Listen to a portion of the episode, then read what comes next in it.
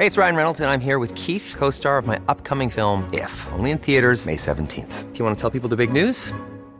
All right, I'll do it. Sign up now and you'll get unlimited for $15 a month in six months of Paramount Plus Essential Plan on us. Mintmobile.com slash switch. Upfront payment of $45 equivalent to $15 per month. Unlimited over 40 gigabytes per month. Face lower speeds. Videos at 480p. Active Mint customers by 531.24 get six months of Paramount Plus Essential Plan. Auto renews after six months. Offer ends May 31st, 2024. Separate Paramount Plus registration required. Terms and conditions apply if rated PG. Burrow is a furniture company known for timeless design and thoughtful construction and free shipping. And that extends to their outdoor collection. Their outdoor furniture is built to withstand the elements, featuring rust-proof stainless steel hardware, weather-ready teak, and quick-dry foam cushions. For Memorial Day, get 15% off your Burrow purchase at burrow.com slash ACAST and up to 25% off outdoor. That's up to 25% off outdoor furniture at burrow.com slash ACAST.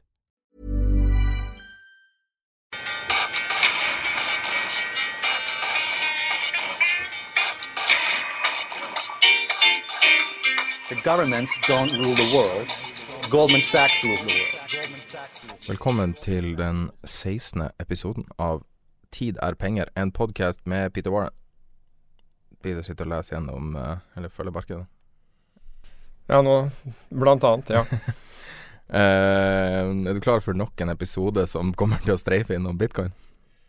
Ja, vi har jo hatt no nok av dem, men samtidig så har jo såpass mye skjedd i bitcoin at jeg forstår at det er et, eh, et uh, informasjonsbehov der ute, og det har jo økt noe dramatisk i det siste. Så vi kommer til å komme tilbake til det og en del andre tema i dag. Eh, kan jeg først fortelle om vår partner i forbindelse med podkasten. Det er IG Markets. Det er IG Markets er en nettmegler for private investorer og tradere som er aktive i finansmarkedet. Hos IG kan du handle et bredt spekter av markeder, og i det siste har det kanskje vært spesielt stort fokus på et produkt de har hatt ganske lenge, som er long- og shorthandel av bitcoin via deres derivat. Mange norske kunder trader også long eller short norske aksjer, og du kan også handle en del eh, internasjonale aksjer, både long og short. Eh, Jeg kan også nevne at eh, blant IG sine kunder så er to tredjedeler long bitcoin. Kanskje ikke så stor overraskelse nå. Nei, det, og hvis det har vart en stund, så har de jo tjent gode penger på det.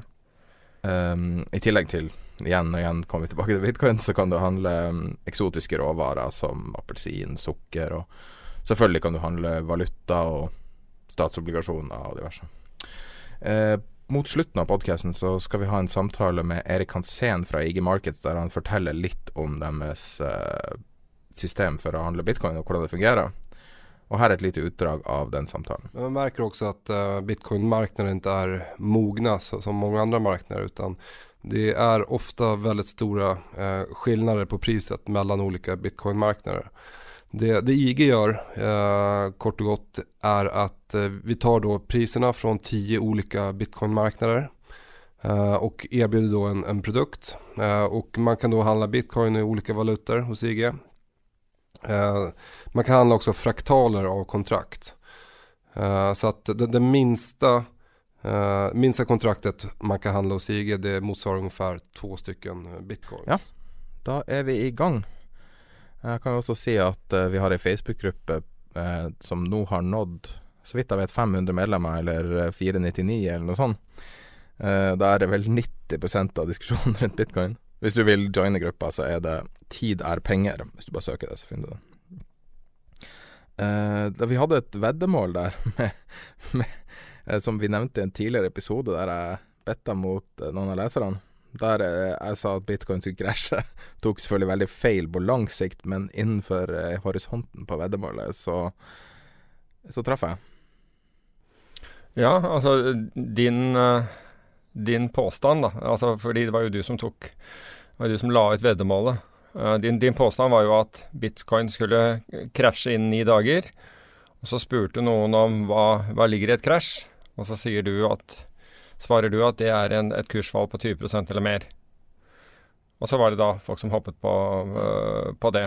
Um, og da er det jo egentlig uinteressant i hva bitcoin gjør etter de ni dagene, altså for deg. Fordi dette er jo en binær sak. Altså enten så har du rett, hvilket du fikk i dette tilfellet, eller så tar du feil. Men eh, risikoen din forsvant, og risikoen til de som veddet med deg, forsvant umiddelbart etter de ni dagene. Så du var da avhengig av liksom veien Altså, det spilte ingen rolle for deg om bitcoin, som vi nå vet i ettertid, har steget grassat etterpå. Men ditt poeng var at før det skjedde, altså før altså, så, så ville du ha et fall på 20 fra det nivået. Den gikk opp etterpå, men så dundret den ned og, og, og ga deg rett. Og det, det, er det vi kaller i Det er det man kaller i finans path dependency. Altså du er, du er avhengig av den veien ikke sant, i, i dette tilfellet, de, de, og, og, tiden. Ni dager. Altså det må skje innen ni dager. For skjedde det etter ni dager, så vil du ikke få noe. For da var hele greia over. Og det var én som gjør opp for seg av de fire? ja, ja, altså du kan le av det, men, men, du kan si at jeg er jo fra en tid hvor, hvor Altså før man tok alle, alle samtaler mellom profesjonelle aktører opp på bånd. Hvor your word was your bond. Altså, og, altså det var sånn i City. Altså hvis du gikk fra en avtale så, så, var du uønsket. Så enkelt var det. Altså Gikk du fra en handel, så var du uønsket. Den eneste måten du kunne komme inn i City etterpå, var å svømme opp Themsen. Fordi du var persona non grata. Men så kom de amerikanske investeringsbankene inn, og for så vidt tyske også, i, i forbindelse med det som ble kalt the big bang.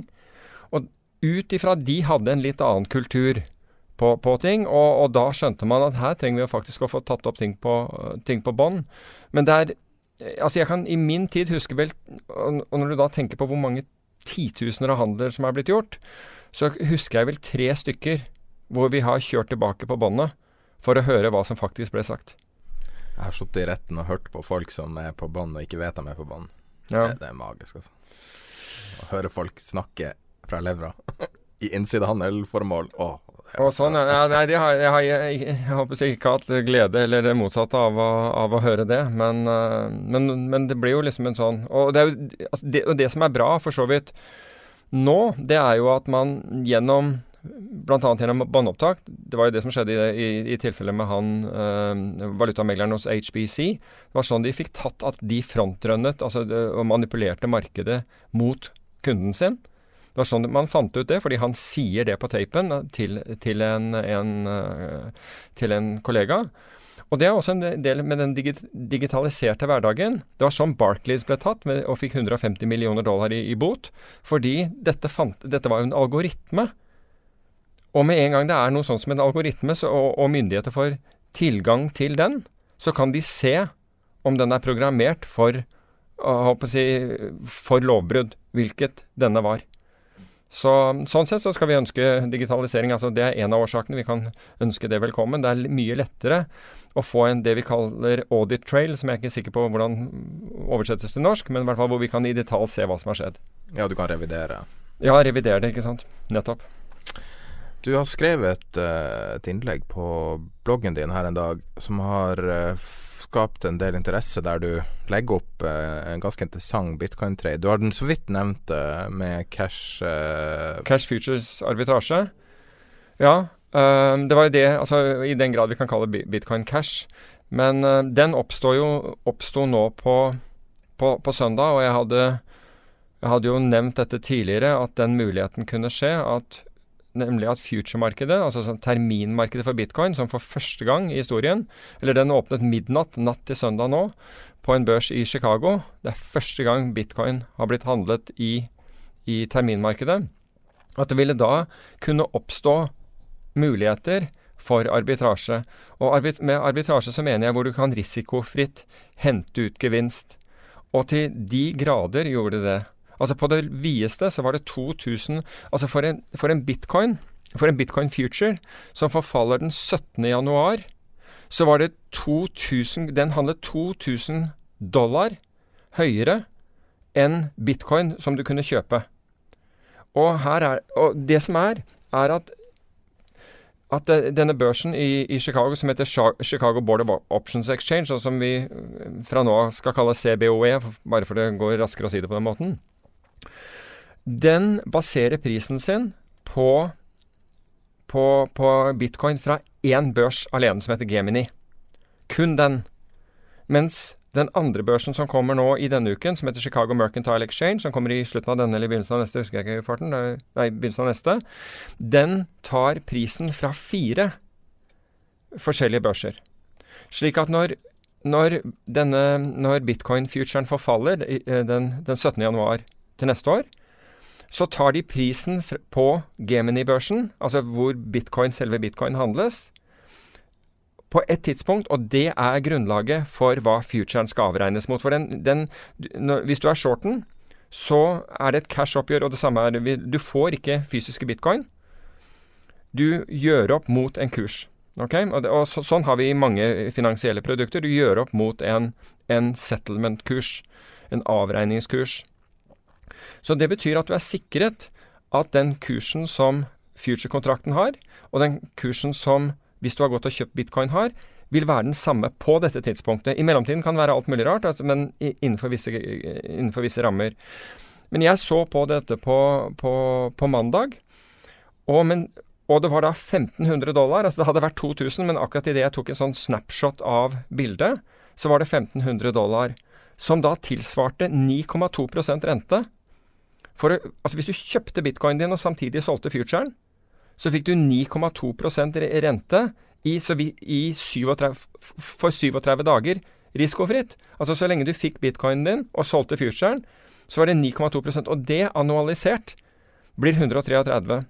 I, nå har den krympet siden. I går var den på 5-6 og i dag åpnet den på litt over 3 men det blir fortsatt uh, et, altså mellom 45 og 50% rente i året. Altså hvis du gjør den på dette nivået. Men det var det som var, var, det interessante. Og så skrev jeg denne her, og, og resultatet er at jeg har sittet nå i, i uh, de neste to dagene og besvart spørsmål på dette her. Og alt fra privatpersoner til institusjoner til meglerhus har ringt om hvordan gjør man dette.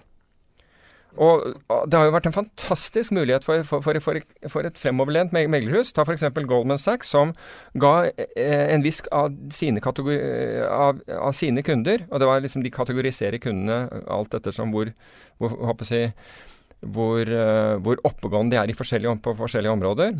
Uh, de fikk jo adgang til future-markedet, og, og, kunne gjøre, gjøre dette her. Så, man, så det var fullt mulig Altså Hvis du kjøpte bitcoin, solgte denne her. Men hadde jeg vært et meglerhus, så hadde jeg Altså uansett, future-markedet, hvis du har tilgang til future-markedet i USA, så hadde du sannsynligvis tilgang til CBOE òg. Jeg vet at vi hadde det, for vi handlet Vixen, og Vixen handlet på samme, samme børs som dette. Så der, der, hadde du tilgangen. Du måtte bare skaffe deg Og at Gemini-børsen skulle brukes, det visste man på forhånd, så du måtte da skaffe deg tilgang til den. Og da hadde du det, det du trengte. Så hvis du, hvis du var et fremoverlent og innovativt meglerhus, så gjorde disse, satt du bare og gjorde denne her arbitrasjen så mye du kunne. Det ble jo tross alt handlet for Hva ble det? En Ca. en halv milliard kroner den dagen. Tilsvarende en halv milliard kroner. På, altså i, i volum. Og alt var, var med en fenomenal rentespredd. Du kunne bare sittet og holdt på med dette her. Den dagen så kunne du laget et sertifikat og solgt til kundene dine. Du trengte ikke å si at det var liksom Denne er basert på bitcoin, men her er det et sertifikat. Du kan få La oss si 7% rente, da. Så ta meglerhuset 2, eller et eller annet. Du kan få 7% rente, eller, eller noe sånt noe frem. Altså folk hadde antakeligvis hoppet på 5 for det er det du får på high yield på ett år. Så hvis du kan få det på litt over en måned i, i, i, i bitcoin risikofritt, så bør det være interessant. Det her blir vel arba bort ganske fort. Du sier jo at eh, halveringstida er jo omtrent én dag oppå på rentetida. ja, altså du kan, du kan, si at etter hvert som, som flere og flere profesjonelle aktører kommer på, så blir det det. Men du får en ny mulighet nå når Chicago Mercantile kommer Altså, jeg kan love deg, det er såpass mange tradinghus nå som, som driver og skriver algoritmer for å plukke opp, opp dette her. Så man har gjort dette her med, med, veldig små rentemarginer, og fortsatt gjør man det til en viss grad i aksjemarkedet. Kjøper en kurv aksjer, selger futuren. Uh, det gjøres jo fortsatt, det kalles programhandel, og dette ble veldig stort på, på andre halvdel av 80-tallet. Så begynte dette for alvor, og det var da Kidder Peabody i USA, meglerhuset, som var en av de største i, i dette. For da var det muligheten til å, å, handle aksjene på et elektronisk handelssystem på New York Stock Exchange for første gang som het Superdot.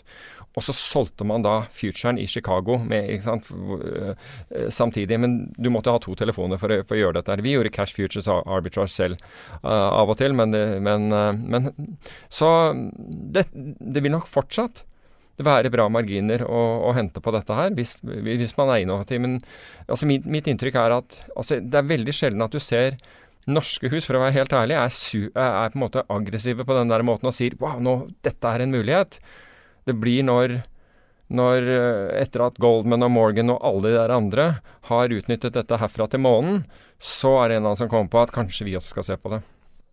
Er det ikke ofte sånn at uh, type Kommersbank eller et eller annet produktifisere den her og selge den videre til bank, norske banker som selger Nei, videre til kunder? Jo, jo, og da kan jeg love deg at uh, da snakker vi om et høymarginprodukt for bankene. Uh, altså Hvis f.eks.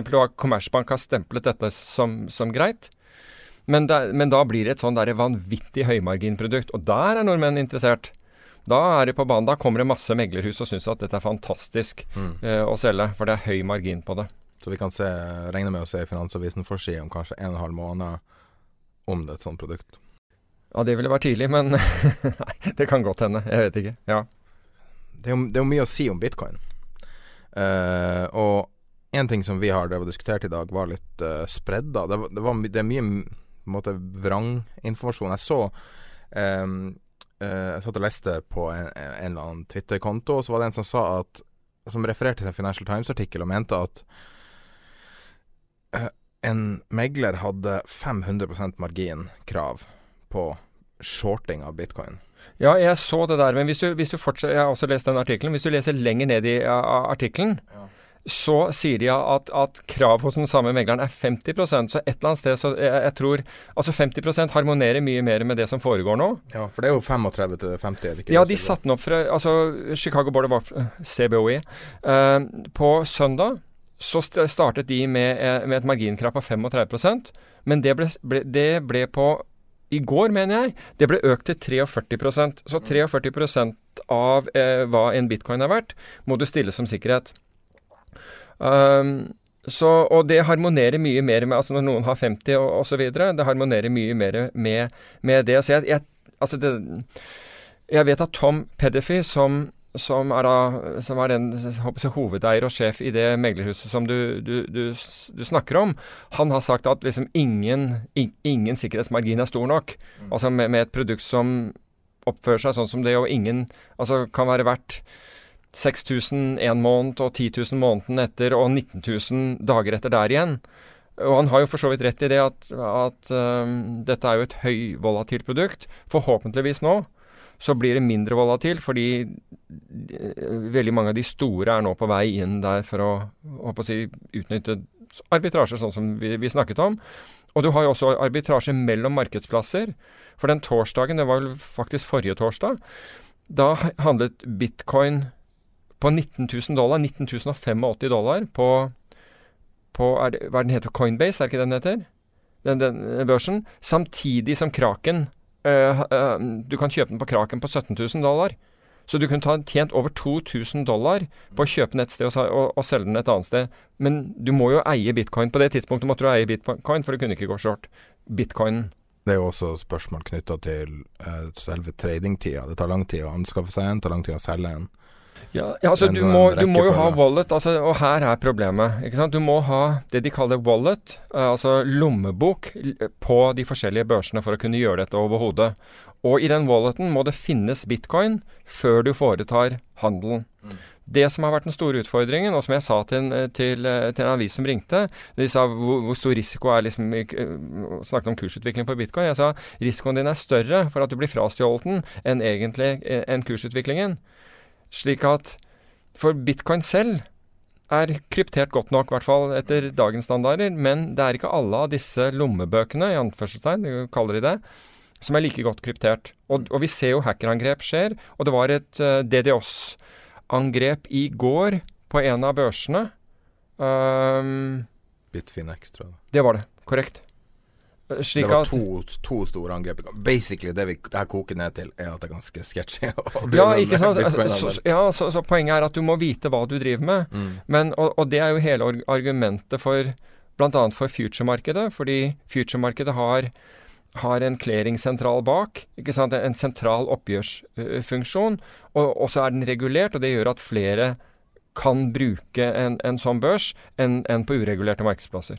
Og, og her kommer jo eh, eh, CFD inn veldig positivt. Du har IG Markets har jo hatt trading av eh, både, mm, eh, både bitcoin og andre, og andre lignende Jeg husker ikke hva det heter. eh, Kryptovaluta. Um, Ja, men se- de har marginkrav på 20 i stedet for 43. Og, eh, og dem, eh, dem altså siden det er et derivat, så, så trenger du ikke en wallet. Du, ikke, du kan ikke bli hacka, alt det her. Sånn at Ja. du har en viss Altså annen type risiko som du har med alle når du, når du handler med én motpart, men likevel, altså. Jeg syns det produktet står ut som fortsatt Selv om det her er på markedsplasser, står det ut som unikt, spesielt for privatinvestorer. Ja, altså, Bare for å ta det om CFD-kontrakter. og Der Altså, den er uavhengig av, av Altså, du blir ikke frastjålet CFD-kontrakten din, som, som du kan bli frastjålet bitcoin. Så du eliminerer den risikoen. Men som du sier, du har, du har motpartsrisikoen. Det er derfor en CFD-kontrakt er ikke en CFD-kontrakt. Du må vite at den du handler med, er solid. Du må vite at liksom, de har vært der i mange mange år. De har liksom en, de er en det er en stor butikk. Altså, det er derfor jeg føler meg komfortabel med å si IG, for de har vært Ja, der i 40 altså, år. ja, men du kan si at det kan godt hende, for alt jeg vet, at det fins andre der ute som tilbyr enda lavere marginer og den type ting. Men altså, det er ikke det der det er ikke der risikoen din er. Risikoen din er på motparten. slik at for guds skyld, altså Sørg for at den motparten din er solid når du skal gjøre dette. Ikke godta en motpart, altså en sånn en, en, en uh, lavt kapitalisert meglerforretning som liksom har kommet seg opp i dette markedet de siste, siste året. Altså, jeg ville unngått den, for å si det på den måten, uten, uten å, å plukke ut noen, noen spesiell.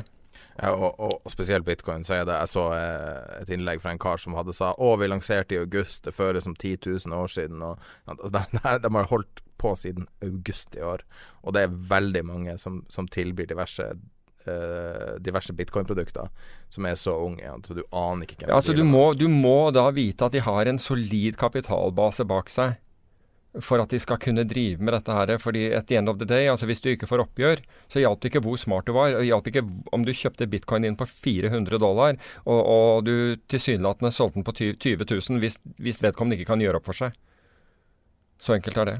Men har du noen gang sett noe lignende hysteria som vi ser nå? Nei, altså jeg har jo, jeg har jo opp... Nei, altså ikke prosentvis så, så mye Ikke som jeg kan komme på, men jeg har sett hys sånn hyste hysterie i um, Eller hysteri. Jeg har sett det i råvarer enkelte ganger. Jeg syns jo det som var i sølv, som ikke kan sammenlignes, men, men var det i 2011 da liksom sølvkursen gikk til, eh, til, til 50 dollar? Og da skrev jeg for øvrig en blogg om det også. Og altså, jeg fikk så mye hate-mail for, for å, å liksom påpeke at nå at, at her var det risiko. At her burde folk tenke seg om. Det, og bare mengden av det fikk meg til å tenke at her har jeg rett. Her, her er jeg inne på noe, for folk er fullstendig ukritiske til, til, hva, som, til hva som skjer her. Men, men du kan si at når selv med sølv så kan du på en måte regne hjem i forhold til forekomster og eventuelt industrielt for, forbruk osv. Det som er problemet, det er jo å regne hjem bitcoin. Ikke sant? Altså prøve å, men på samme måten som det er vanskelig å regne hjem valutaer som stadig, hvor man stadig trykker mer, mer, mer valuta. Men det er vanskelig å regne dette hjem. Og det gjør jo at vi alle er liksom du Alle er søkende, og alle forsøker å finne et rasjonale. Men det morsomme med dette her er og at folk som var fullstendig negative til bitcoin ikke sant? Da det handlet på brøkdel av hva det var, og ga alle mulige grunner for hvorfor ingen burde være borti dette. Og dette var bare tull, og det var svindel, og det var måte på. I dag ser vi disse komme med rasjonale for hvorfor det faktisk er smart. Og det er, liksom, og det er jo også et sånt tegn i, i, i tiden. Så, men foreløpig så er 19.085 vært eh, til toppkursen. Kommer det til å være endelig toppkursen i bitcoin? Ikke? Sikkert ikke. Jeg aner ikke. Men, hvor, men det, er ikke, det, er, det er ikke ment som en prognose fra meg, men, men det er nok volatilitet her til at det kan gå begge veier i stor hastighet og lenge. Og så har du alle de andre kryptoene da, som dundrer opp i mellomtiden. Og en av de måtene du kan se at det her er volatilt, er jo marginkravene. Ja. Når eh, Altså bare, bare for folk som ikke handler futures og ikke handler CFD og ikke handler på gull-futuren f.eks., er vel en par prosent margin, tror jeg. Jeg husker ikke hva, hva er den, den er nå. Men, men du kan si at det man, det man må huske på her, er at én måte å regulere volatiliteten på, det er for, for børsene å plutselig sette opp marginkravene. Og det har vi sett tidligere vært Mm. gjort. Og da plutselig ser du at dette rakner, altså. Fordi da, da, da sitter du Selv om du sitter lang dette her og liksom har og, og er på en måte riktig vei i det, så blir du skviset, og hjelp meg, de som sitter feil, blir, blir, blir skviset. Og da får du liksom plutselig så får du en sånn gravitasjonseffekt ut av dette her. Så hvis du sitter long, får du en margin call da også? Ja, du får margin call da, fordi de setter opp, de setter opp grunn... Altså, margin består, består av to ting.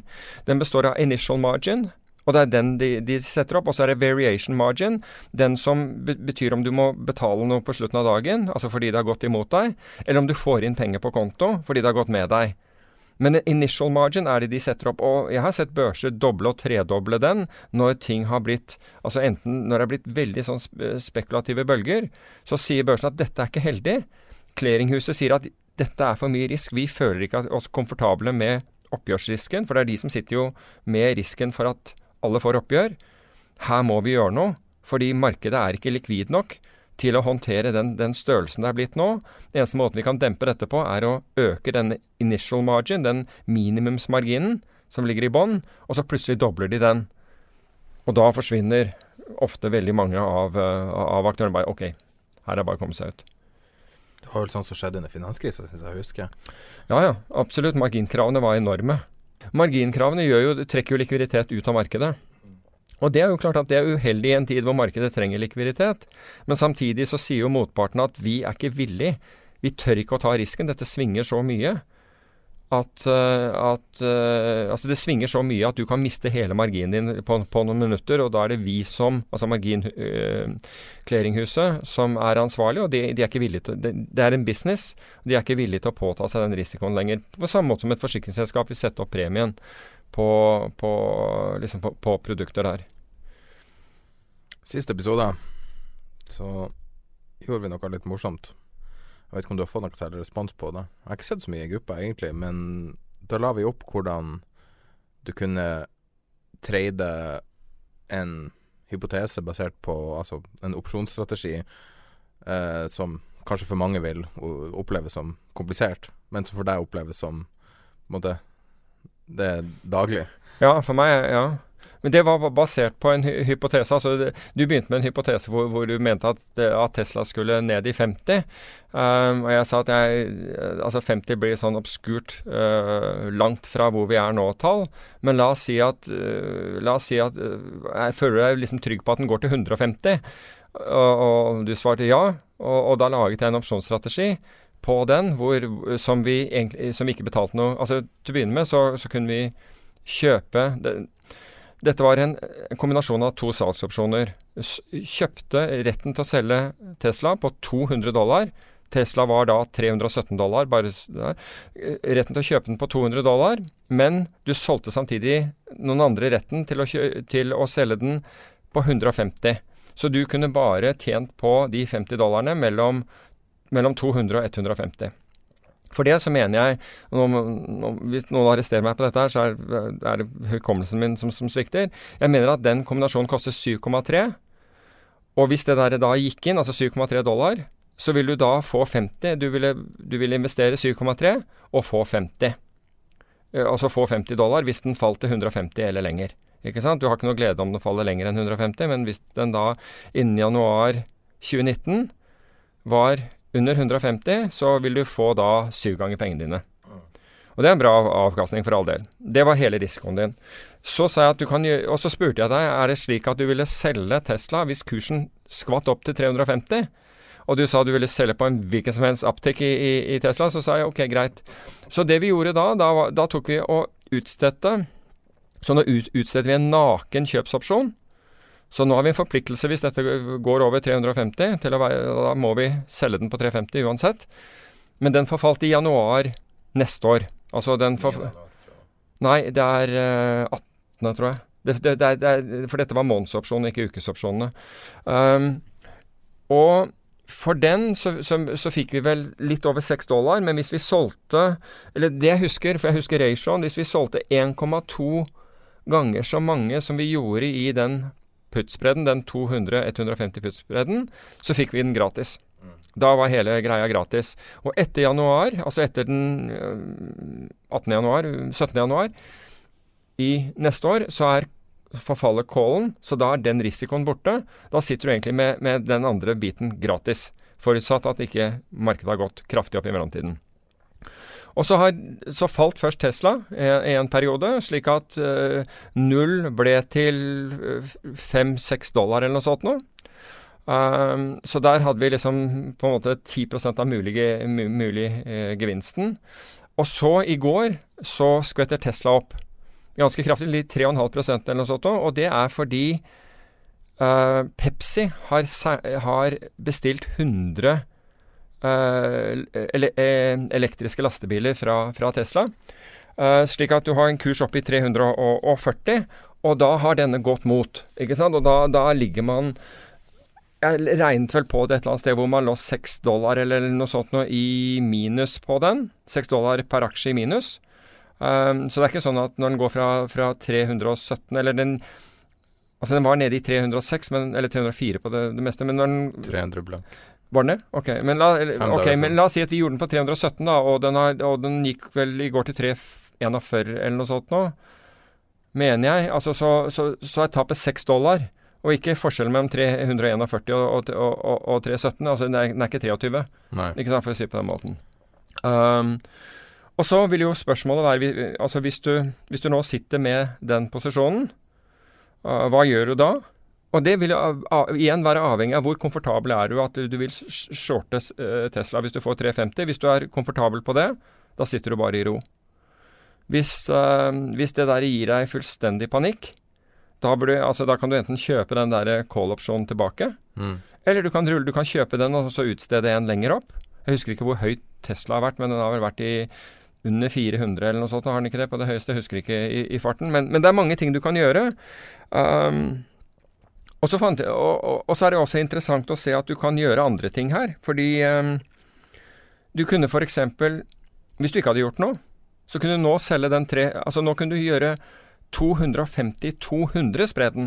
Altså den vi gjorde første gangen. Det var en, en salgsopsjon på 200 som vi kjøpte og så utsetter vi en på 150. Isteden kunne du nå gjøre en på Kjøpe den som er på 250, og selge den som er på, på 200. Altså du har rullet hele greia opp 50 dollar. Og den ville du da Da vil du, da vil du motta 1, dollar og 20 Hvis du da solgte den 350-callen, så vil du motta 1 dollar og 20 per aksje for å gjøre det. Så da vil du bli betalt for å gjøre det. Og har, igjen, har du rett at dette her skal ned, men nå trenger du ikke at det skal gå ned til 150 for at du skal tjene penger. Nå vil du tjene, nå vil du tjene full gevinst hvis den faller under 200. Mm. Så, så, det er, så, det er, jo litt hvordan, hvordan man håndterer eh, traden. Men her, traden var jo såpass attraktiv at du vurderte å sette den på? Ja, altså Tesla, altså Hvis du ser på Tesla som taper 480 000 dollar i timen mm. Det er bunnlinjen til Tesla for tiden. 480 000 dollar tapes i timen, men det holdes oppe ved at, uh, at Musk er innovativ. ikke sant? Han batteriparker i Australia og alle mulige sånne ting. Men det hjelper på en måte ikke Har du lånt Tesla penger, så hjelper ikke det. For det, det kommer ikke noe penger inn. Det er helt fantastisk at de klarer å låne penger så billig som de gjør, men det tror jeg ikke de gjør en gang til. Um, så det er jo litt grann Altså, jeg må jo si at jeg er bearish på Tesla ut ifra Altså nå er, nå er ikke jeg eh, når Det sies, jeg, jeg er ikke en aksjeanalytiker. Jeg, jeg, går vanligvis ikke på mikronivå. Men akkurat Tesla er en makroplay pga.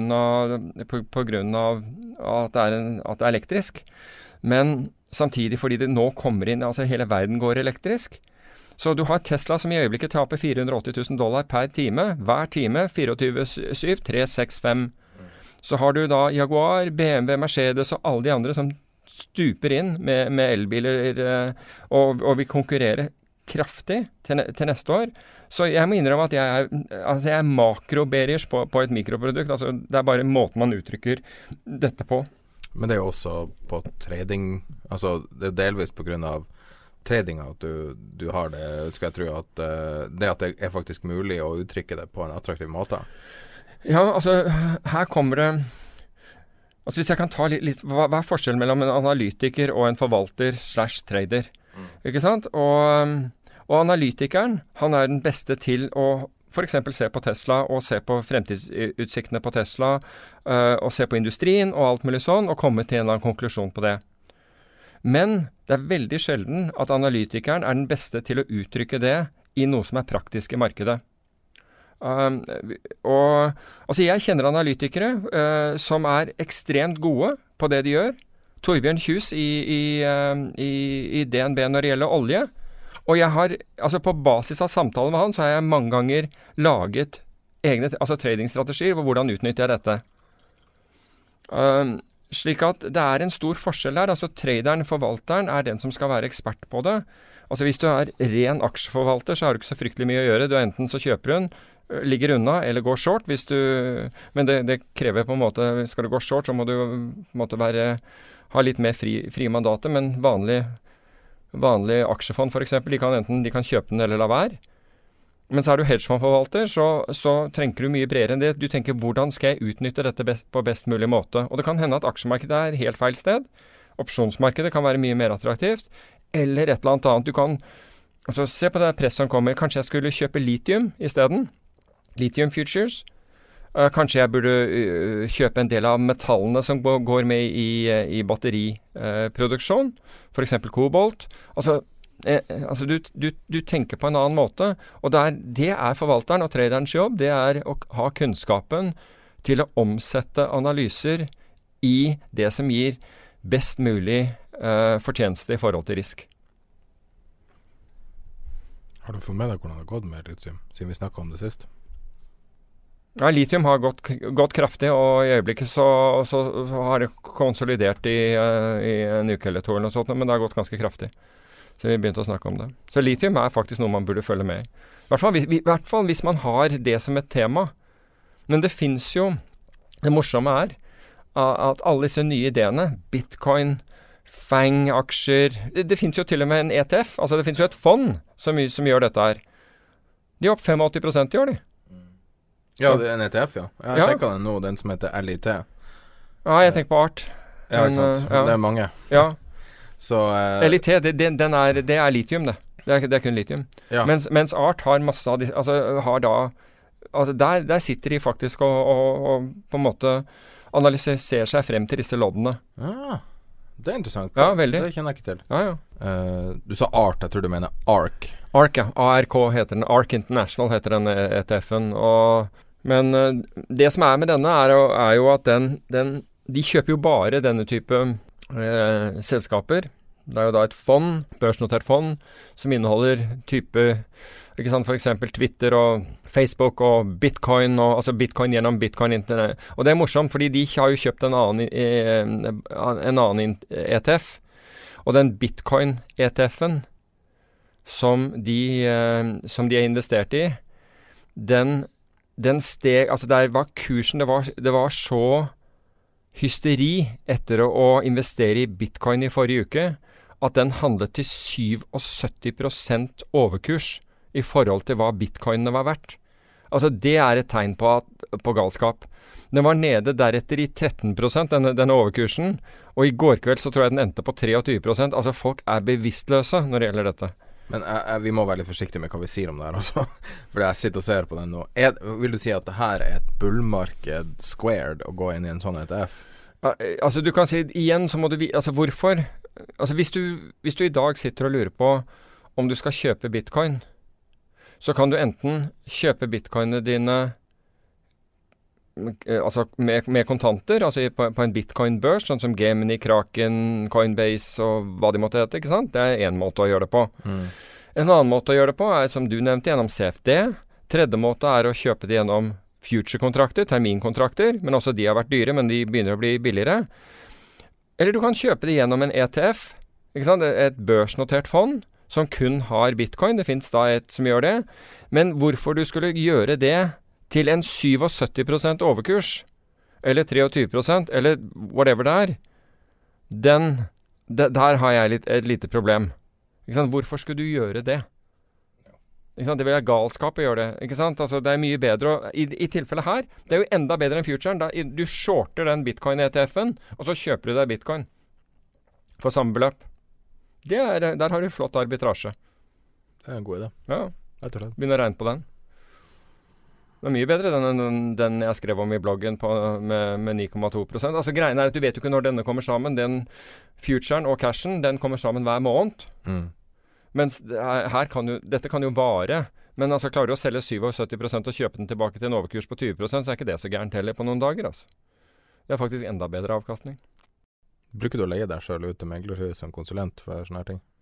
Nei, altså det hender jo at de kommer og spør og, og om, om ting. Altså akkurat det samme som under, under uh, finanskrisen, når man skulle bli forklart CDO-er og CDS-er og, og, og, og disse tingene. Og da enten holder, holder en um, en, øh, en presentasjon for, for meglerne deres, analytikerne deres, og noen ganger for kundene deres. Det hender det òg. Hver episode så snakker vi om VIX. Ja. Og bruker av og til å gi folk et lite hint om at VIX er tilbake under ti hver gang nede. Det bruker ofte å være muligheter når Vixen trader ned, ned mot historisk low. Ja, la, under, under 9,5 så har det jo vist seg å være veldig bra. Uh, det man må huske på akkurat i øyeblikket, det er at vi går inn i, i, i, i, jula. Uh, hvis man ikke har fått med seg det. Uh, men Og i den perioden så er det jo flere fridager enn ellers. Og det betyr at det er færre dager for børsen å bevege seg på. Og derfor så vil gjerne volatiliteten komme ned som følge av det. Bare så det er sagt. Så, så det, er ikke, det er ikke unormalt at volatiliteten vil være noe lavere. Men det behøver ikke å være sånn, fordi vi har hatt tilfeller hvor, hvor øh, overraskende nyheter har kommet i, i denne perioden òg. Det slår enda mer ut, fordi mange har lukket bøkene sine, og mange er ikke på jobb. Eh, forvaltere har tatt uh, juleferie og, alle, den biten der, og, og slik at det kan bevege seg. Men ofte når vi priste opsjoner over denne perioden, så, så hensyntok vi at det var mange fridager. Og det ville gjøre at vi at vår fair value, altså den, der, den prisen vi mente opsjonene skulle være verdt, uh, var lavere enn Mm. for, for, for andre tilsvarende eh, perioder, eller for, for andre perioder. Så man skal være litt obs på det. Men du kan si at forrige gang vi var bullish på, på, på øh, Vixen, var vi også under, var vi under 9,5. Og jeg husker ikke hvor høyt den gikk. Den gikk i hvert fall til 14. Men jeg tror 13 den et eller annet. ja, den gikk til, jeg mener at den Altså intradag gikk den i hvert fall over 14, så du kan si at du hadde jo 1382 for au pair. Ja, men det, det tror jeg var closen. Ja. Uh, og den, jeg tror den var vesentlig høyere, men det var 40-50 avkastning, altså stigning på, på selve viksen. Så selv om du velger et dårlig VIX-produkt, så har du fortsatt en 10 %-dag. Ja, altså du kan si at du hadde på Hvis du tar ø, den som er motsatt vei, altså XIV, som er egentlig um, Som er en ETF um, på å være short viksen Hvis du shortet den, så var vel den ned 7% den, den ene dagen. Mm. på det meste. Så, men i, altså, det vi må forstå med, med, med Vixen, og fordi terminkursen, altså med andre ord at Vixen for Altså Vix-avregningen for januar, februar, mars osv. er suksessivt høyere. Altså man skal ha mer og mer for, for disse for, for terminene det lenger ut man går i tid. Um, så, så er timing fryktelig viktig når den kurven er er i, i det vi kaller ko- kontango, slik den er nå. Altså med andre ord at du har en At, uh, viksen er dyrere jo lenger ut du går i tid. Så det må man være opp, oppmerksom på, og, og liksom ta med i tenkingen når man skal gjøre noe. Og så er det de der som gjerne vil shorte f.eks. For VIX fordi nå kommer jula med, med masse, masse helligdager. Og de tenker da ikke på at kanskje VIX-en allerede har hensyntatt det. Fordi de smarte pengene de har jo regnet ut eh, dette her og stilt VIX-en lavere som følge av det. Så du får Altså, it's not a free lunch for dem heller. Bare så det er sagt. Når det kommer til tradere, som er De fleste lytterne våre enten er aktiv trader, har lyst til å bli aktiv trader, eller i hvert fall eh, liker det temaet. Kortsiktige bevegelser, gevinster. Potensielt store gevinster. Eh, vi har fått litt til innsyn i hvor mange tradere det finnes i Norge. Ja. Er det noe jeg kan nevne? ja, men vi kanskje ikke skal nevne kilden på det, men, men, for, men uh... Vi kan ta utgangspunkt i hvor mange det var. I 99 så var det anslått at det var 100 000 daytradere i Norge som satt med tekst-TV. 100 000. Mm. Ja. Det er et tall som er er omdiskutert, da. Men basert på det tallet vi har fått, er at det er i hvert fall per dags dato 1000 daytradere i Norge. Ja, altså vi vet at eh, et meglerhus Mm. har 1000 Har faktisk eh, 1000 daytradere, ja. Så man kan ekstrapolere det og si at det er sannsynligvis 2500-3000 daytradere i Norge. Ja, de omfatter sikkert ikke hele markedet, eh, dette huset her, men det er Ja, og dette er i aksjer. Mm. Altså I tillegg så har du de som trader valuta. Der er det faktisk en god del Mm. uh, som holder på med det òg. Og så har du folk som trader råvarer, gull og den type ting. Så det er, det er noen flere. Men i hvert fall det ene meglerhuset som, som var villig til å oppgi tall, der hadde man 1000. Og der man, har man klart sett, sett en økning eh, i løpet av de siste seks til tolv månedene. Å herregud, bitcoin må bringe inn mye tradere, altså. Jeg tror, jeg tror ikke de tilbyr det. Så jeg tror ikke den gruppen der gjør det, så vidt Nei. jeg vet. Så det, det bringer sikkert inn en del, men uh, Jo, det bringer inn den der er det- kortsiktige mentaliteten. Ja, men det bringer inn også folk som da eh, igjen Som, som kjøper noe til 77 overkurs. Ikke sant? Og taper alt. Ja, ja, eller i hvert fall står i fare. Ikke sant? Altså, du, du taper i hvert fall veldig mye hvis du bare vender tilbake til jorden, for å si det på den måten. Um, Men det er så- kult at endelig kommer på en måte trading tilbake til Norge. Det er jo i, i eh, fire-fem år siden så vil jeg si at det var så lite som 500 tradere i, i Altså Norge. etter, et, etter finanskrisen, men du har alle disse nedgangene. Du har hatt dotcom. Og finanskrisen og den type ting vasker ut veldig mange av de som bare har blitt løftet av tidevannet. Ikke sant? Man blir geni i, i eget hode fordi det er tidevannet som løfter deg. Altså Du tenker ikke på at det er trenden faktisk som, som gjør alt for deg. Så har du kanskje bare tatt risiko på toppen av det. Altså med andre du har giret. Og så lenge det går oppover, og tenk deg nå i den der fasen vi har hatt, altså med lav volatilitet og et marked som går oppover, så blir man fort geni hvis man har eller får den følelsen hvis man har belånt, og så sier man ja, jeg har hatt mye bedre utvikling enn en børsen. Men man har kanskje ikke sett på at, at, eh, at man har hatt risiko som er enda høyere enn det du har fått ut av det. Um, og så når det da skjer korreksjoner, så blir de vasket ut, fordi de har du først blitt Altså det, dette er jo noe som alle sliter med, ikke sant. Altså hvis, hvis du er blitt god, så er det de færreste som på en måte gjør en sånn forensic analyse av det, og ser hva er det jeg faktisk tjener penger på? Hvordan har dette her skapt Og hvis svaret på det er at jeg egentlig bare har vært gæren, så skriver man om det, ikke sant? Det, det, har, det er jo ikke noe som er flatterende, så man velger å uttrykke det som dyktighet. Når du har hatt flaks, det er jo aldri noen som egentlig Altså, det er de færreste som sier det, jeg hadde bare kjempeflaks. Det gikk min vei. Når, når det kommer til ting som, som å side tradere og og ha sånn mentorløsninger Noe som, som er vanlig, i hvert fall i New York og kanskje London. Jeg vet ikke om selv om i London at det er vanlig, men Jo. er det noe sånn i Norge i det hele tatt? Folk som har lyst til å trade, som har skillsen, men som ikke har pengene? Uh, ja, ja, ja. Det er det. Altså, det, det, ja, ja. Det er mange.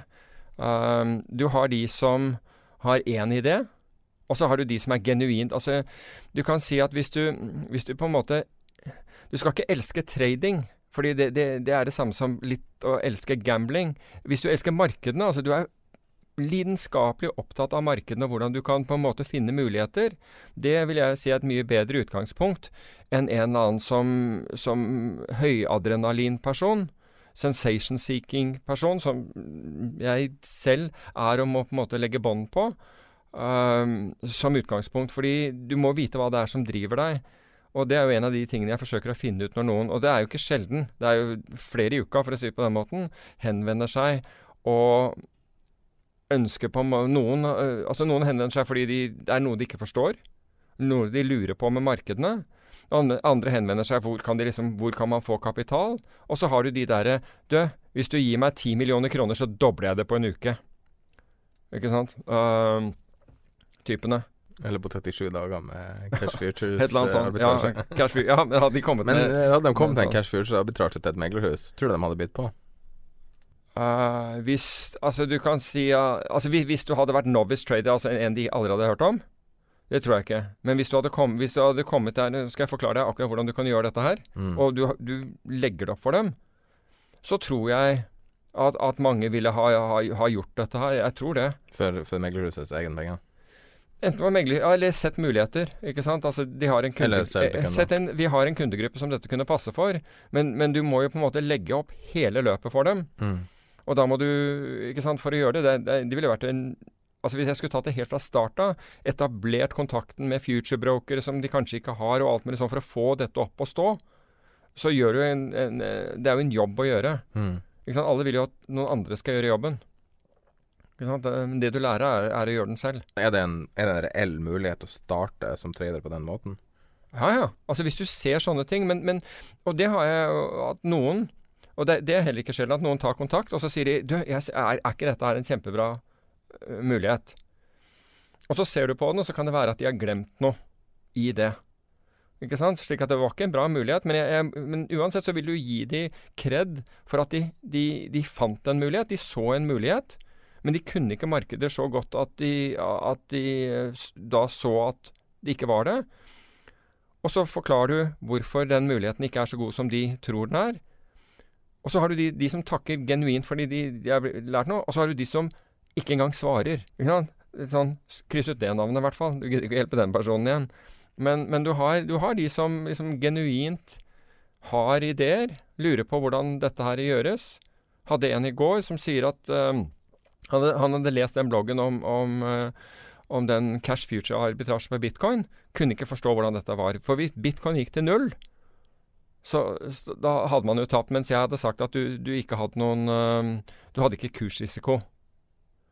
Og, og da forklarte jeg hvorfor. Altså, ja, de bitcoinene du kjøpte, gikk til null, men futuren hadde du tross alt sol- solgt for 18 850 dollar.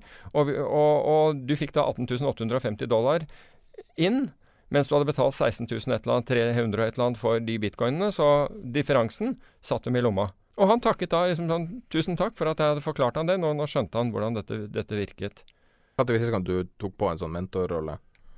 Uh, du kan si at det, det er nesten sånn kontinuerlig hvor Altså noen kan du løse ting for, og så har du de som er hvor, hvor du på en måte har en lengre eh, dialog over tid, hvor du, du ser faktisk at de utvikler seg og, og gjør noe. Um, men altså, det er klart at det er et nåløye her i, i forhold til det at de gjør en, en egen innsats. Jeg hadde e- en annen som henvendte seg, og og, og, om et marked, og kom med ideer. Var kvantitativ veldig oppegående. Uh, hadde et tradingsystem, og ville da bevise for meg at dette tradingsystemet var, var fantastisk, og lurte på om jeg ville putte penger i det. Um, og, så, og så ser jeg ok, vis meg hvordan dette virker. Uh, rasjonalet var, var faktisk bra. Jeg, jeg, har, jeg har faktisk tro, tro på det der enda. Um, og så tjener han penger de to første ukene. Dette var én handel i uken. Og, og Du gjorde én handel i uken, og, og du hadde oppgjør den samme dagen, så du visste om du hadde tjent penger. Men så går det to uker, eller tre uker, hvor han taper penger. Og det neste, da har han reist til utlandet, og det var jo for så vidt greit. Han, eh, der han hadde reist utenlands, øh, hvor han skulle i et eh, bryllup. Han, han hadde ikke mine penger, det var kun hans egne han hadde gjort, men jeg fikk da utskriften hele tiden. Og så forteller han meg at eh, han hadde tatt en annen jobb. Han hadde tatt en jobb da i, i, i dette landet. En midlertidig jobb. Altså, da er du ikke sulten nok. Da har du ikke nok tro på deg selv. Du må på en måte Du må ha skin in the game og være villig til å føle litt smerte. At hvis, hvis tre uker, som egentlig var tre trader eh, altså Nei, det var litt flere, det var ni trader, tror jeg. Altså Han hadde seks trader som gikk for seg, og ni trader som gikk mot. Um, og, og hvis det er det som skal til for å vippe deg av pinnen, da er du ikke hva, hva Chuck Yeager eh, refererte til. Da er du ikke the right stuff, for å være helt ærlig. Du må ha en større staying power enn det. Og du må også ha skin Men han her hadde skin in the game. Det var ikke veldig mye, men han hadde skin in the game selv. Men hvis du jeg, jeg så liksom presentasjonen over han og det han skulle gjøre, og det han mente. Imponerende sak. Men at the end of the day så er det jo hvem du er, og hva du får til. Og, og jeg mente at det var altfor tidlig. Jeg tror for- fortsatt han hadde en god idé, men det var altfor tidlig å gi seg eh, med den der ideen. Det er ikke det han har gitt, men han har tatt en midlertidig jobb. Det forteller meg alt at det er, litt for mye sånn lodd. Kanskje det går bra, og da får jeg inn noe penger, men jeg er ikke villig til å til å, til å føle på det. Og spise knekkebrød en periode. Nå begynner, nå begynner tida å ha gått eh, fra oss her. Vi har eh, en ganske lang episode nå. Så skulle vi innom eh, Vi skulle avslutte med noen enkle tema som er kanskje litt mindre. Det har vært skrevet mye om Norges Bank sin aktive forvaltning, og at de taper penger på aksjeplukking. Genererer kanskje ikke så mye alfa som det skulle. For å ha det morsomt, som de sier. Noen beskrev det sånn. Ja, altså det er, det er jo en sleivete måte å beskrive det på. Uh, og enda mer så har man da tatt og målt dette her over en pe periode med kvantitative lettelser. Altså hvor sentralbankene har gått og, og, og omtrent fjernet volatiliteten, i hvert fall klemt den ned. Og hvor aktiv forvaltning, det og aksjeplukking, følgelig har vært ekstremt vanskelig. Så Og jeg tenker som, som så at hvis ikke en av verdens største investorer har råd til å faktisk prøve å utvikle ting da, altså Hvis ikke de har det, hvem da skal gjøre det? Det er iallfall ikke privatpersoner som sitter og betaler for aktivt forvaltede aksjefond. Altså, jeg mener jo at Igjen, jeg mener at dataene brukt over denne tiden her er Altså, det, det er ikke tilstrekkelig. Det er, det er, det ene. Og det andre er at hvis, ikke, altså, hvis, hvis ikke vi som nasjon med, med, å ha verdens største statlige fond, har råd til å ha en gruppe fakt, av, av, smarte mennesker, hvem, hvem, hvem, skal da ha det? Altså, da har man på en måte fullstendig gitt opp. Så, du har vært ganske klar på at uh, oljefondet er en fantastisk institusjon. Jeg har sjøl vært inne i tradingrommet og var vanvittig imponert over jeg det. Er, jeg er imponert. Og, og altså det, vi, vi, kan ikke forvente at uh, altså når, når du, Hvis du skal forsøke å lage en omelett, så må du antageligvis knuse noen egg. Og det at, har tap, at de har tap av og til, det, altså det, det, er en del av det. fordi det er, i det korte bildet så er ut, alle utfall usikre. Men over lang tid så tror jeg de skaper verdier. Jeg tror de er dyktige, gjennomarbeidet. Jeg tror ikke de sitter og gambler med pengene, og at noen skal liksom få, få en kul hverdag. Jeg tror virkelig at, at pengene forvaltes på en, på, på en, ordentlig, måte. Så min stemme går til, til oljefondet her. En annen ting er jo at de har jo veldig flinke folk, og betaler dem egentlig ikke så mye. Lønna er ganske lav i oljefondet relativt sett. Ja, altså, det er folk som kunne ha tjent mye mer. Ja, Absolutt, og det, og det har, har, man jo også sett. At liksom når noen av disse har gått til hedgefond og andre steder, så har de blitt betalt veldig mye mer. Ja, er bare se på Skanke, som var leder av tradinga før, gikk rett til Skagen. Mm. Fantastisk dyktig kar. Og blir plukka opp på I hvert fall da. Altså når du kommer med, beste miljøet. Hvis du kommer med bakgrunn fra NBIM, så altså Jeg tror ikke du har vanskelig med å komme, bli kalt inn til intervju, for å si det på den måten. Nei. Da er du ganske attraktiv. Er du blitt kongen av catbonds? Uh, nei, jeg er ikke blitt kongen av, av katastrofeobligasjoner, men, men, det morsomme var at jeg Altså, vi har jo snakket om dette. Jeg har jo skrevet blogger om det over noen år. Også fordi, på grunn av de eh, na, naturkatastrofene som da skjedde eh, Puerto Rico og, og i Vest-India og oppover i, eh, i Florida, så, så, var det naturlig for oss Det var sånn vi kom inn på bitcoin. Folk var ikke egentlig så veldig interessert i det, men vi så en mulig story der. Så det var sånn vi kom på det, og, på samme måten så tok vi opp dette med katastrofeobligasjoner. Og når du ser på katastrofeobligasjoner, og studerer indeksen over katastrofeobligasjoner som, kan, som det er mulig å investere i, så ser du at de har slått Oslo Børs siden, to, siden den indeksen begynte i 2006. Altså avkastningen har vært bedre, og risikoen har vært lavere. Ikke sant? Så, og det er ikke korrelert med utvikling. Altså det at du får et uvær i uh, et sted i verden, det er ikke korrelert med aksjemarkedene uh, for øvrig.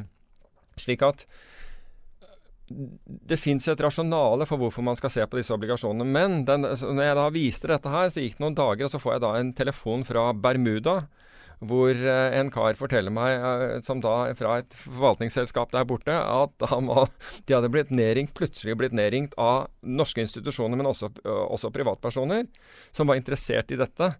Og så hadde de, siden dette, altså han sa når det gikk mer enn tre stykker på en time fra, fra, fra Norge, da skjønte han at noe måtte være i gjære. Og så hadde han spurt hvor dette kom fra, og så hadde, de få, så hadde han brukt Google Translator på bloggen. Og så tok de kontakt uh, med det, og så snakket jeg med de uh, her i denne uken også, hvor, uh, etter, hvor, hvor, folk fortsatt har vært interessert. Og det er klart at det er, det er interessant. Det er ikke for alle, men det er, det er verdt å se på. Og det er jo litt av det denne podkasten skal handle om også. Altså Hvis vi tok opp det som alle andre tar opp, så hadde det kanskje ikke vært noe særlig spennende å høre på oss. Dessverre så har jo alle snakket om bitcoin, og vi kan ikke unngå det. Så jeg beklager til alle som hater bitcoin. Det er, men det er jo litt sånn trading ja, der var det faktisk også en, en som lurte på liksom, om, om, det var det vi, vi, vi, vi, satset på. Men det er jo egentlig kun fordi det, det er jo ikke på, altså Bitcoin, kom, faden kommer til å gå over, og vi kommer ikke da til å fortsette å, å mase om bitcoin. Men vi maser om bitcoin for vi trodde at det var noe. Da mm. ingen, eller i hvert fall få trodde det var noe. Og vi tror det er en, at det er hysterisk i øyeblikket, for, fordi nå har den fått aksept.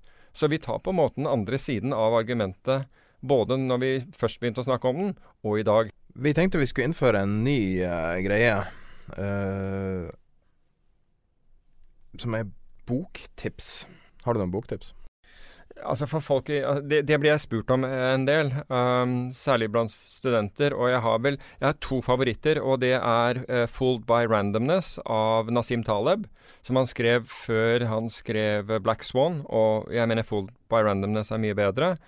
Og den andre er skrevet av Roger Løvenstein um, og heter 'When Genius Failed' og handler om LTCM. Hvorfor disse to bøkene?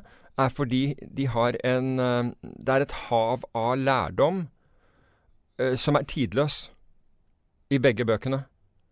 Slik at det, det er ikke sånn at uh, Dette er ikke en bok om dotcom eller noe sånt, noe som du ikke på en måte føler at har noe relevanse Eh, to år senere. Det som begge disse bøkene inneholder, har det, e, e, etter min oppfatning. Og det er veldig mange som jeg har sett eh, som, som, har lest de bøkene, som jeg anbefaler for, som, som syns at de er virkelig gode. Eh, og noe av de beste jeg har lest.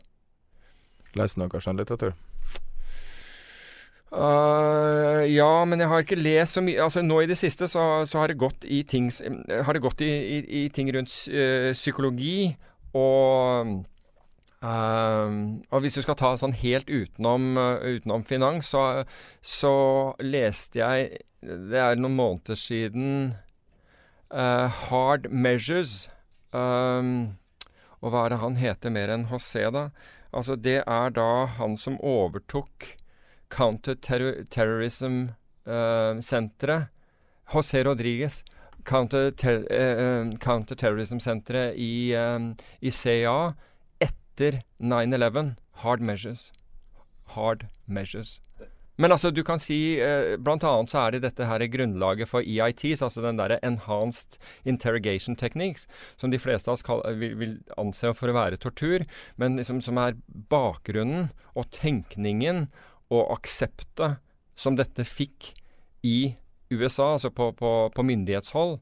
Um, og, og, så boken altså det, det, det, er ikke en, på en måte en, en, en bok som beskriver grusomheter eller, eller noe sånt. Noe. Det, er helt, det, er på et annet nivå. Men det, er hans uh, Altså fra han kom inn der Han hadde jo vært i CIA i veldig mange år før, før det. Uh, og ledet stasjoner rundt omkring i bl.a. i, i Sør-Amerika, altså CIA-stasjoner. Uh, og den boken er god. Syns jeg, da. Uh, en bok som jeg har, nevnt tidligere både på, på Facebook-gruppa og her, er Market Wizards. Veldig gode. Altså, spesielt nummer fire. Ja, altså jeg, jeg, har jo lest alle opp igjennom, uh, og de Swagger-bøkene er veldig gode.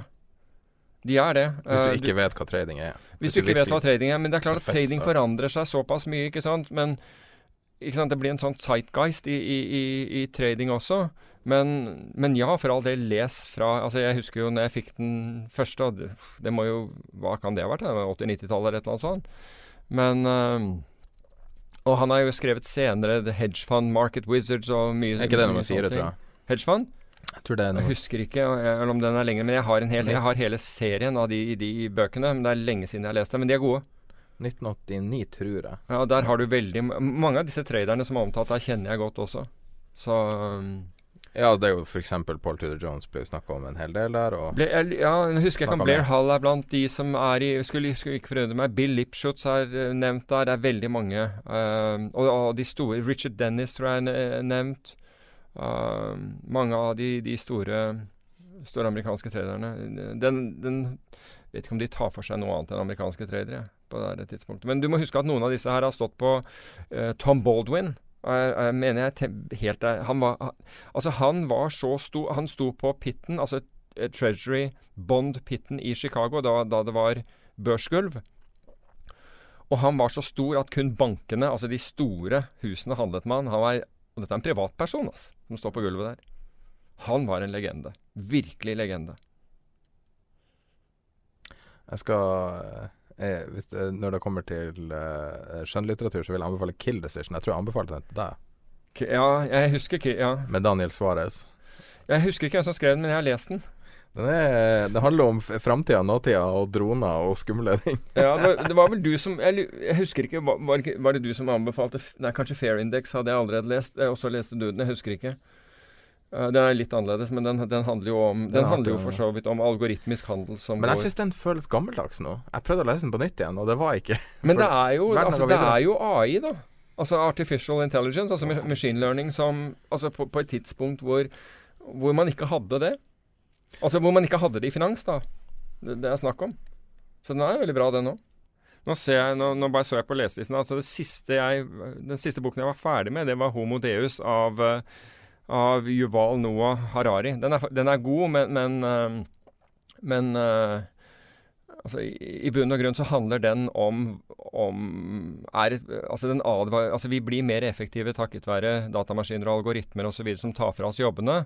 Men vi mister også the humanity ved, ved å gjøre det. ikke sant? Altså eh, Beslutninger tas på basis av algoritmer og matematikk, og ikke og ingen ser på hvem, altså hvem dette går ut over, om det egentlig passer for, for, for vedkommende. Og innenfor, ta for, for innenfor helsesektoren så kan det være veldig skadelig. mm. Uh, kan man se for seg. Uh, men det er liksom konklusjonen til den boken. Jeg vet ikke om man trenger å lese hele boken for å forstå det, men, men boken er, er god. Og så driver jeg og leser Superforecasting i øyeblikket. Uh, den er skrevet av Philip Tetlock og, og Dan Gardner, og som handler om, om folk som ikke de du tenker på som du hører om er så gode til å, å, å snakke om fremtiden og, og vite hva som skjer. Tvert imot. De som du ikke har Altså, de er De aller fleste av de er ikke gode. Altså, hvis du gjør en akademisk studie av, av, av feilprosenten deres, så er de fleste av dem ikke gode, selv om de betales veldig mye penger for å gjøre det. Men her nevnes bl.a. Altså her er det gjort en del tester. Bl.a. betalt av, eh, av etterretningstjenestene i, i USA. Altså som ønsker bedre forecasting tools, hvilket man kan forstå. Uh, og, og om da folk som da er virkelig gode, som du aldri har hørt om, men som really nail it. Um, det gjelder det. Jeg husker jeg leste en artikkel i Economist om eh, der det var en sånn eh, forecasting-algoritme for å forecaste hvor mange som døde i en krig, som var veldig nøyaktig. De, men de hadde liksom 100 000 parameter å punche inn i forkant. All mulig slags eh, kompliserte ting, da. Er det Ja. sånne ting du mener? Nei, her er det folk s- Nei, altså, de, de, nei, altså Eller ja, eh, mot Du kan si at du har E-tjenester har jo typisk den type informasjon som du, du snakker om der. Og de har, jo, de har jo tilgang til åpne kilder, som aviser og nyheter og den type ting som du og jeg har. Men så har de i tillegg tilgang til ikke-åpne kilder, ikke sant? som er f.eks. Eh, satellittbilder, eh, forskjellige former for elektronisk overvåkning og, og sånt noe. Men det viser jo seg at de allikevel får det feil. Og et av eksemplene som brukes i superforecasting, det er jo Irak-krigen, ikke sant? hvor USA har 20 000 etterretningsanalytikere. Ikke sant? Og allikevel kommer de til at, uh, at uh, Irak har eh, masseødeleggelsesvåpen som de viser at de ikke har. Ikke i det hele tatt, ikke sant? Og det er jo regnet som en av verdens største intelligence failures eh, gjennom tidene. Jom, altså Jom Kippur-krigen er en annen en. Altså det, det går jo på Israel, som da altså, Som riktignok vinner den, men, men som som, som uh, ikke ser tegnene, til tross for at både åpne kilder og, og de mer avanserte innhent, innhentingsmetodene deres indikerte, men der var det kognitiv eh, lukking. Altså, det kunne ikke skje. Så selv om alle disse, disse, eh, disse indikatorene de har der ute, alle de følerne de har der ute, tilsier at noe er galt, så velger de å overse det. Og det tror jeg er det samme du ser veldig mye i markeder. Altså du kan, du kan liste opp ting som etter hvert begynner å bli galt. Altså markeder som blir kostbare på price earning, pris, bok, alt mulig. Og så sitter man bare der og sier ja, men det går jo en dag til, det går jo en dag til, det går jo en dag til. Og plutselig så har vi det gående. Finanskrisen var jo sånn. Det var ikke mulig å se den. Altså, og spesielt når du i ettertid gjør en uh, gjør en analyse av det, post mortem av det, av det så, så, kunne du vært blind og døv og se det komme.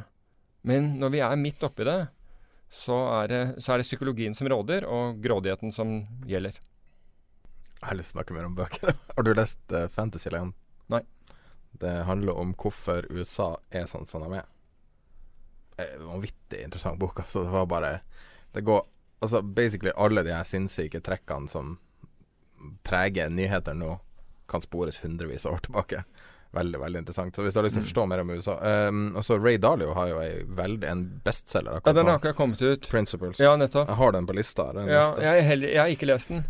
For å si det helt ærlig, så kvier jeg meg litt for å begynne å lese på. Jeg syns han, han, er helt fantastisk, men jeg vet ikke om jeg er så interessert i å lese hele boka. Nei, altså jeg, jeg syns også jeg, jeg, er også imponert over Ray Dalio, men uh, jeg, jeg, har heller ikke Jeg har ikke satt den på listen, for å si det på den måten. Men han er jo kjent spesielt for å være så flink og ta feil. Altså han, han, han omfavner og feiler.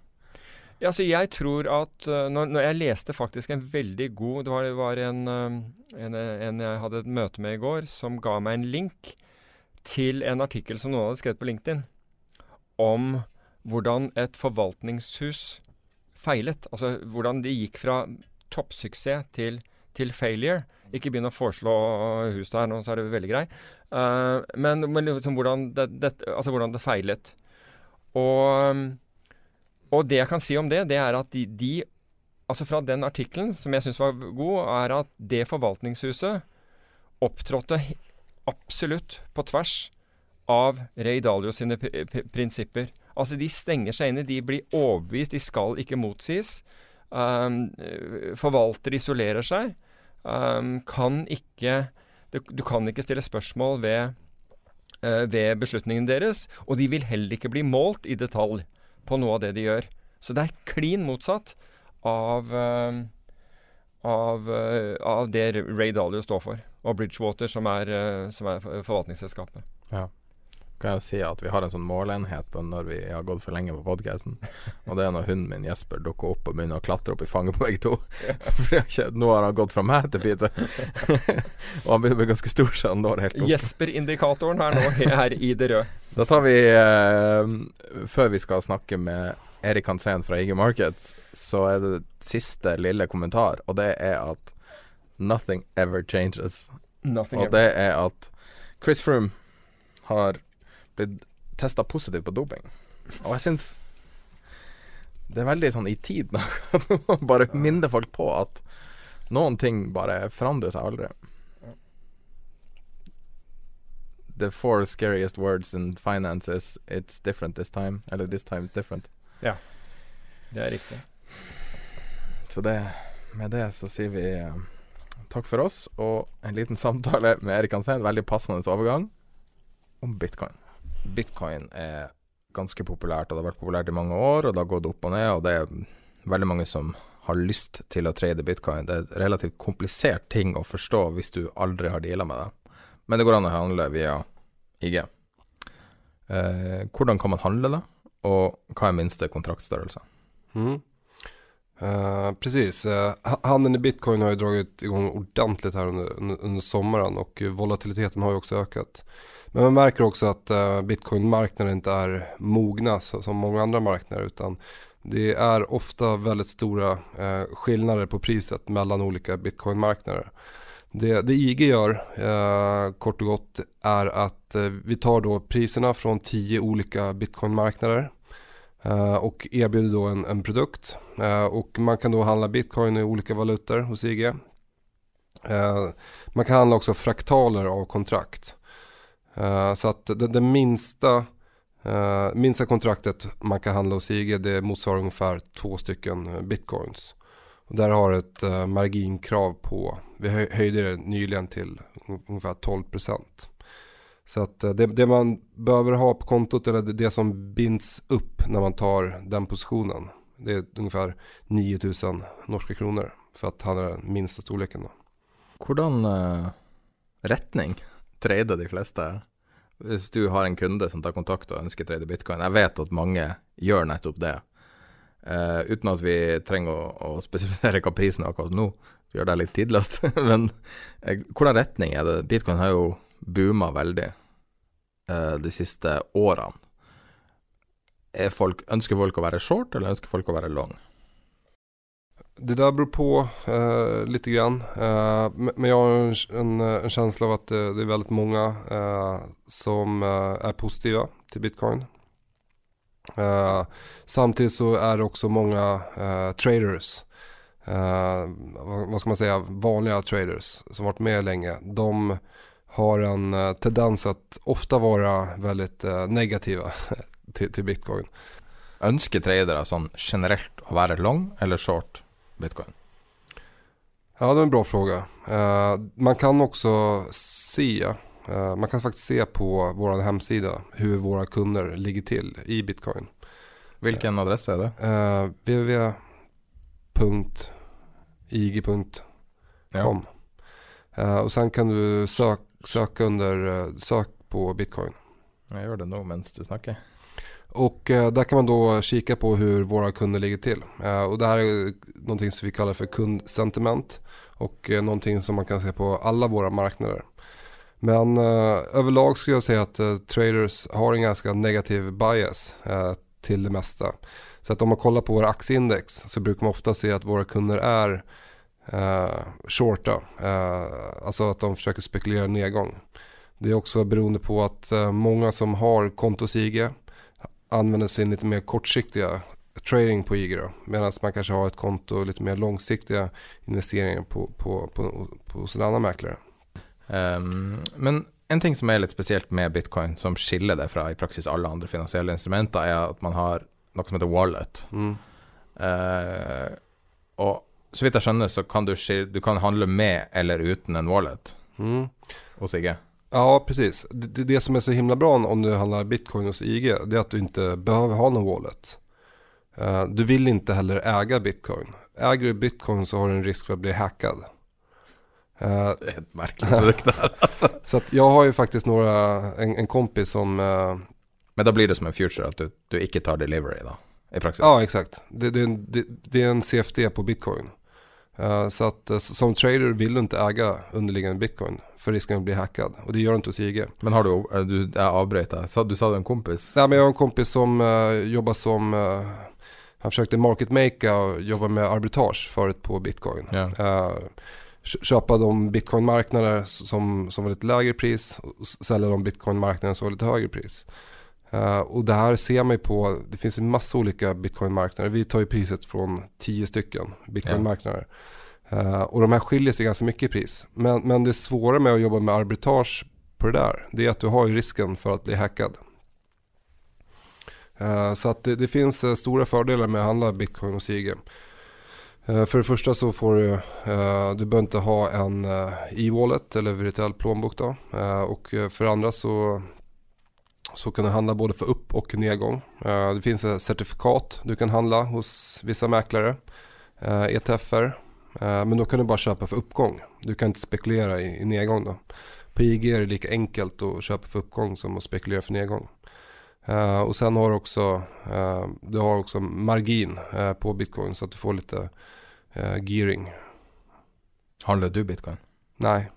Är du bitcoin? Jag har faktiskt aldrig handlat bitcoin. Hva du syns om bitcoin? Jeg er for feg for bitcoin. Hva du syns personlig om bitcoin? En gang til. Hva du syns personlig, hva, hva tycker du om bitcoin? Jeg tycker det är en fascinerende eh, valuta eh, och eh, det är ju det är mycket kineser som eh, inte har en eh, en troverdighet för deras eh, centralbank och deras valuta längre. Det, den inhemska valutan i Kina har ju fallit tillbaka ganska kraftigt senaste tiden. Samt att eh, det är mycket kineser som försöker få ut pengar då, eh, från landet. Så mm. det här görs ju jätteenkelt och bra med, med bitcoin. Uh, nu har de ju kommit med lite restriktioner från Kina ganska nyligen. Vilket fick uh, priset att falla. Men det är, det är en extremt uh, spekulationsdriven utveckling som vi har haft i bitcoin. Och kollar man enbart på, på kursgrafen så, så ser det väldigt skrämmande ut.